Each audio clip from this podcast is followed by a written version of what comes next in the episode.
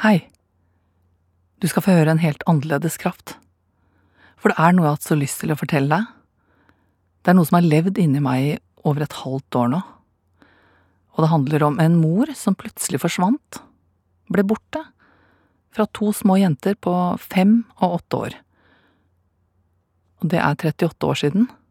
Hun bare tok med seg det viktigste, og bare gikk ut av døra fra leiligheten en dag i 1978. Og hun kom aldri tilbake igjen. Kraft. Kraft. Vi hadde vært på Tenerife. Bestemora mi og moren min og søsteren min og jeg. Da vi kom hjem, så hadde det vært fest i leiligheten, og jeg husker at det sto mye tomflasker. Det sto en sånn svær sånn vinkagge på gulvet som var tom. Men det er liksom det siste bildet jeg har av at uh, moren min er i den leiligheten der, og etterpå så er hun borte.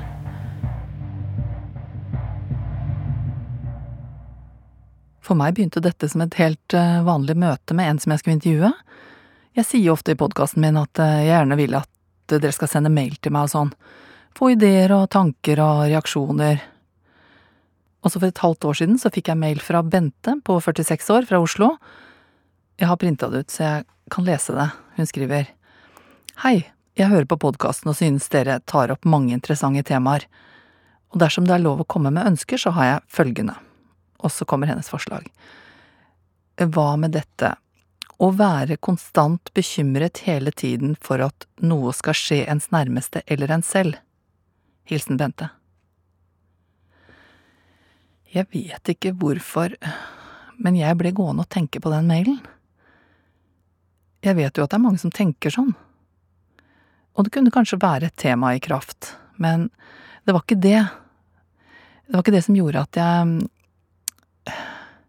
jeg fikk en følelse av at det var noe som hun ikke skrev. At det var noe der. Så jeg fikk veldig lyst til å møte henne. Så jeg skrev tilbake øh, og foreslo at vi kunne møtes øh, til et intervju på benken utenfor NRK-huset. Vi bare sette oss ned her, da? Hun var forholdsvis høy, åpent blikk og med halvlangt, mørkt hår. At den jenta ikke skal komme seg hjem fra fotballtrening når den slutter. Jeg tenkte Bente er kanskje litt sykelig bekymret for døtrene sine, men det er jo mange som er. Hvis klokka er sånn ti over seks, ja nei, nå må jeg jo komme hjem snart. Og så blir klokka kvart over seks. Det er sånn nei. Da kan jeg begynne å kjøre huet mitt på at ja, nei, nå har det skjedd noe på veien nå. Hun fortalte meg at hun kjørte katastrofefilmer i huet. Hun har blitt påkjørt, det kan være at hun har blitt kidnappa. Det kan være Jeg tror en del mennesker er sånn, men likevel så tenkte jeg jeg må prøve å være litt mer direkte. Ja, Hvorfor tror du du er så bekymra? Jeg tror at jeg er bekymra eh, fordi at eh, når jeg var åtte år, så bodde jeg sammen med moren og faren min og søsteren min. Og da en morgen så tok moren min tingene sine og dro. Og etter det så har jeg liksom ikke sett henne, da.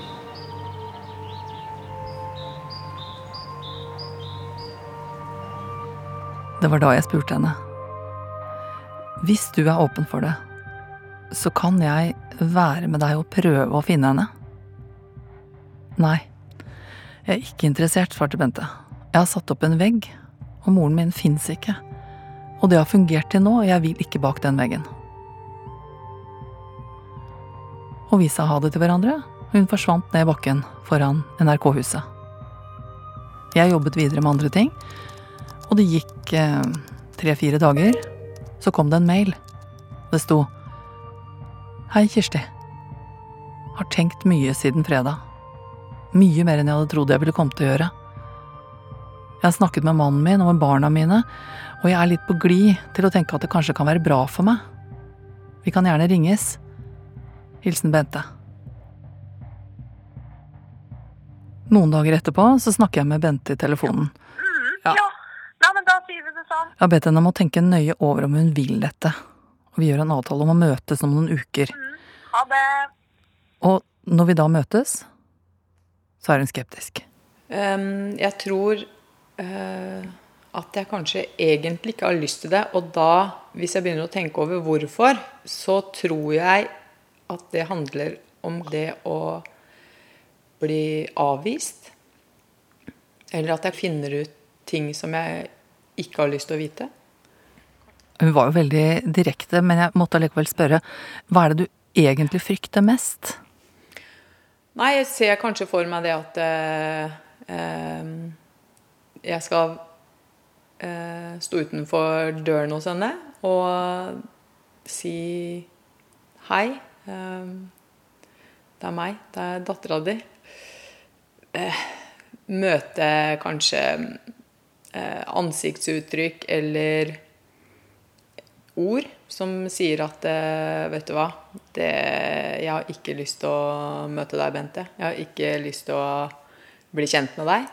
Nei, beklager. Også at døra da skal bli smelt igjen, da. Ja, det ville jo vært fælt. Å stått der og kanskje fått en dør i fleisen. Så da tenker jeg at kanskje det beste er å bare kutte dette ut, for kanskje det er for vanskelig for henne, rett og slett. Men Bente er ikke helt der. Hun sier til meg at eh, kanskje du kan være med meg til min bestevenninne Pernille, for det Pernille har jeg kjent siden jeg gikk på videregående, forteller Bente. Og hun kjenner meg ut og inn, hun vet hva jeg tåler. Kanskje hun kan si noe mer om dette, så da, da blir jeg med til henne.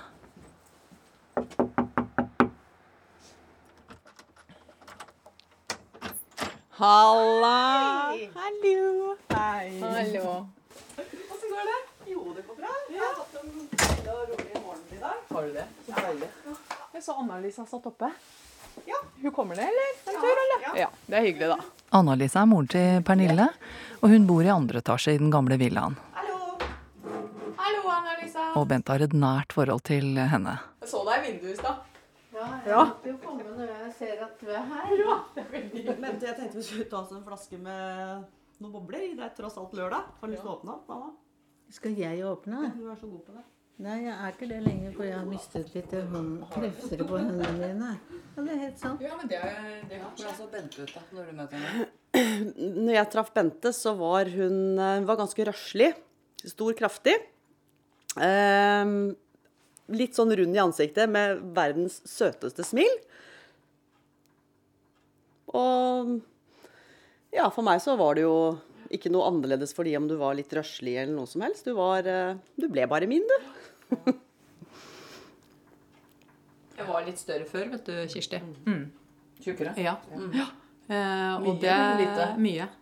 Så har du hatt noen slankegreier? Nei, bare oppi hodet. Og det, jeg tror det er fordi at jeg ehm, Det er som Pernille sa, eh, og jeg skjønner jo det sjøl òg, det er jo fordi at jeg hadde det jo ikke så godt i yngre dager, liksom. Ja, Så ble det litt greia, da. Og fint at Bente tok meg med hit.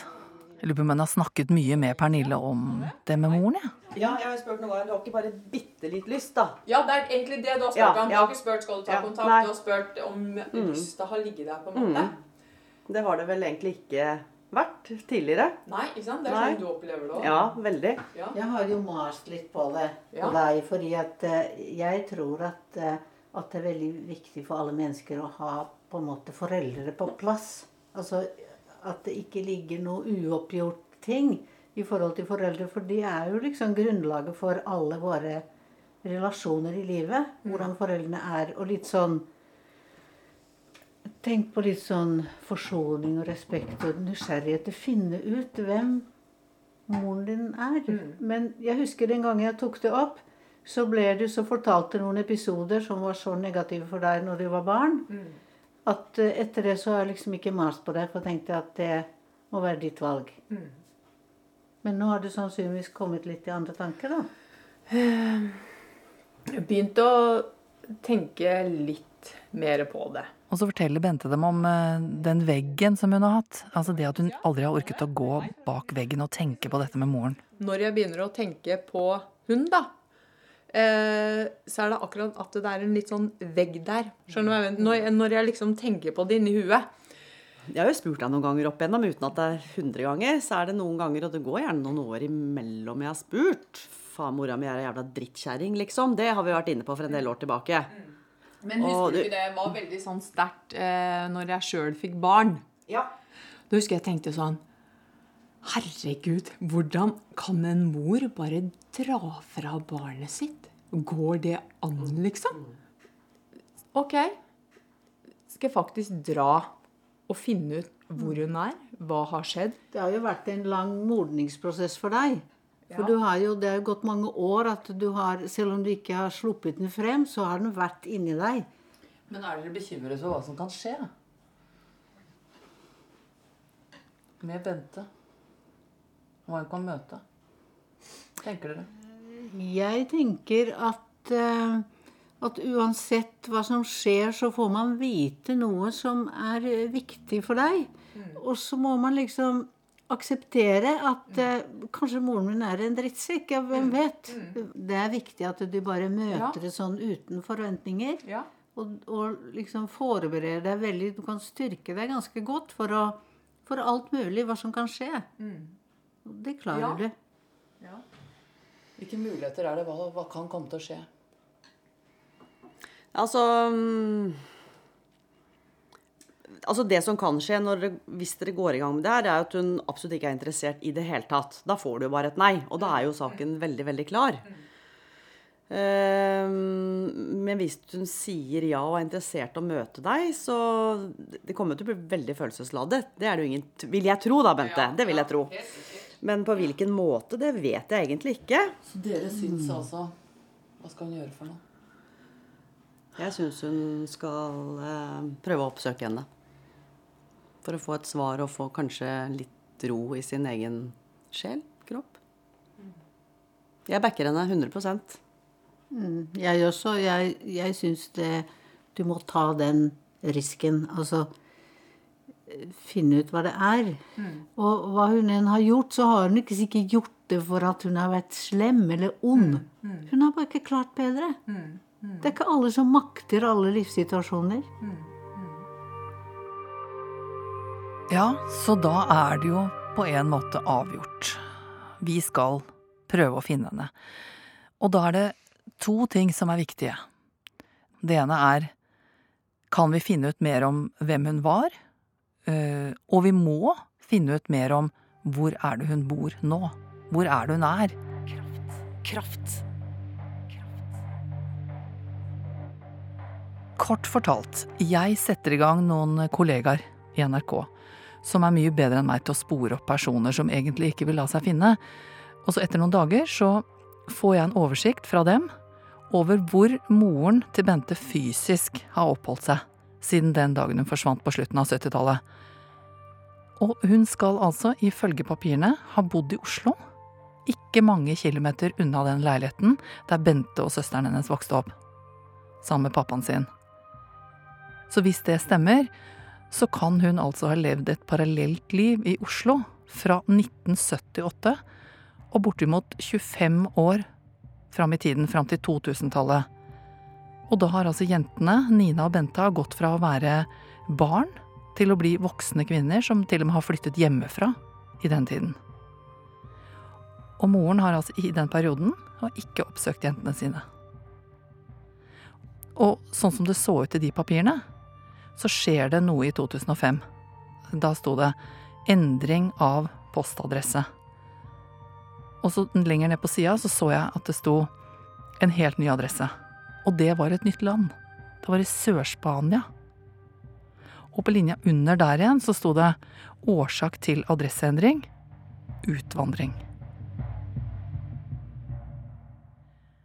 Og alt dette kan jeg ikke si til Bente nå, det tror jeg blir for mye for henne, så det må jeg vente litt med. Og dessuten den adressen, jeg vet jo ikke om den, om jeg kan stole noe på den, altså den er fire år gammel, hun kan jo ha flytta fra Spania for alt jeg vet, kanskje hun bor i et annet land?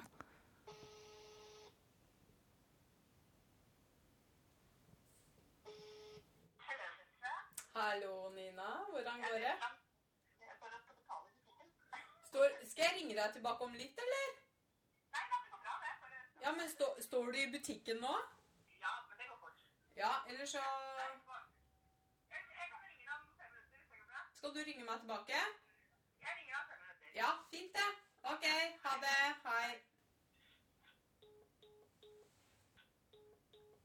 Bente har gruet seg til denne telefonsamtalen. Lillesøsteren hennes, Nina, er tre år yngre enn henne, og det betyr at hun var fem år da moren forsvant. og det har alltid vært Bente og Nina.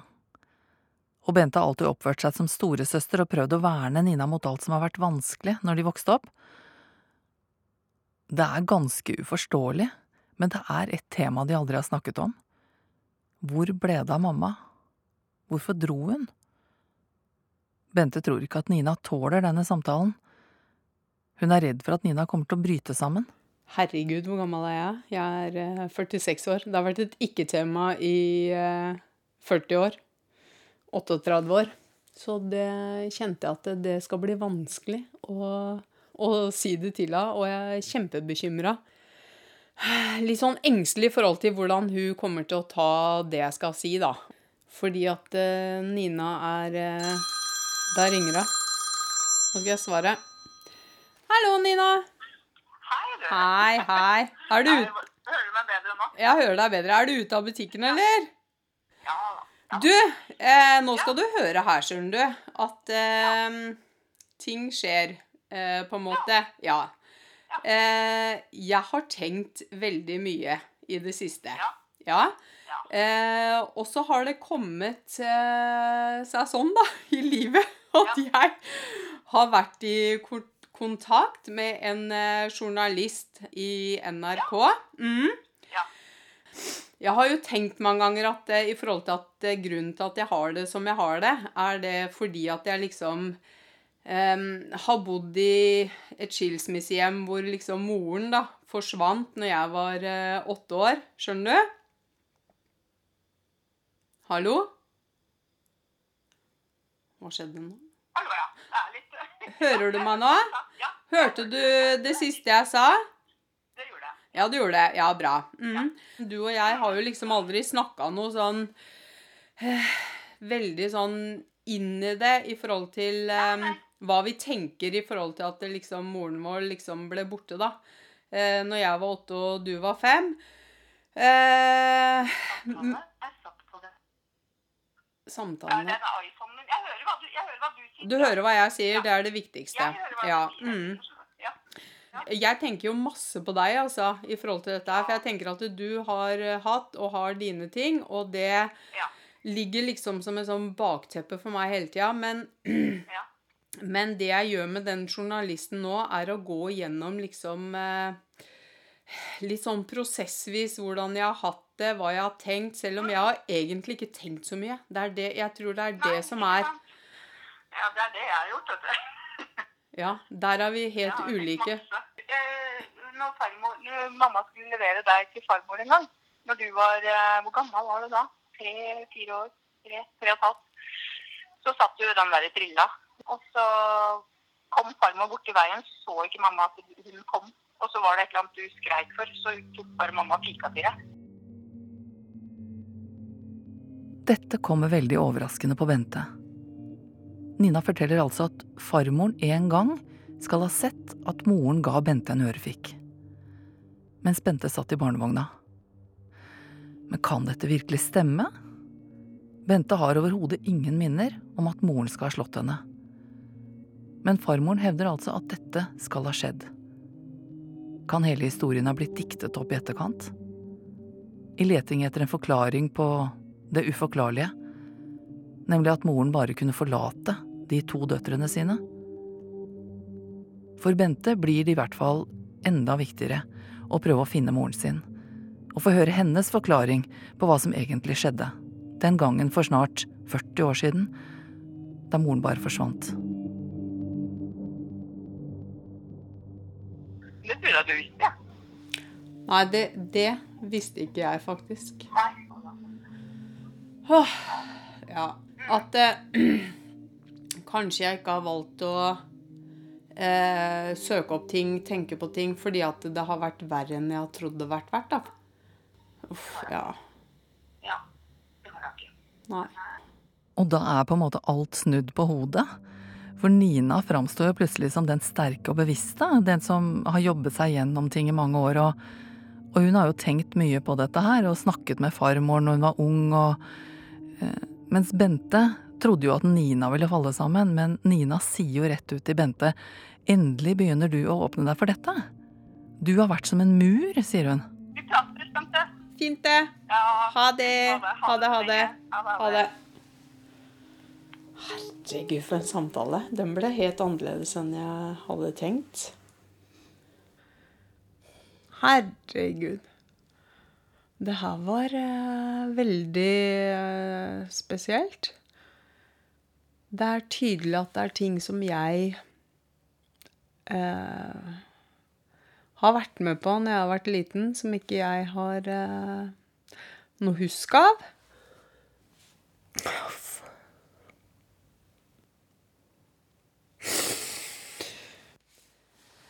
Å, herregud. Mm.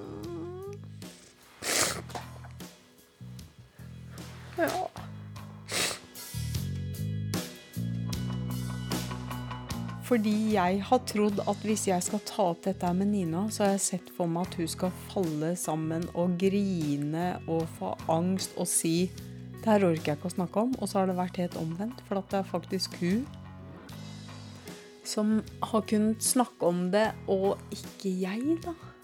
Um, uh, så det er klart at det ligger noe under der. Uff. Kanskje det er jeg som er helt uh, fucka i huet.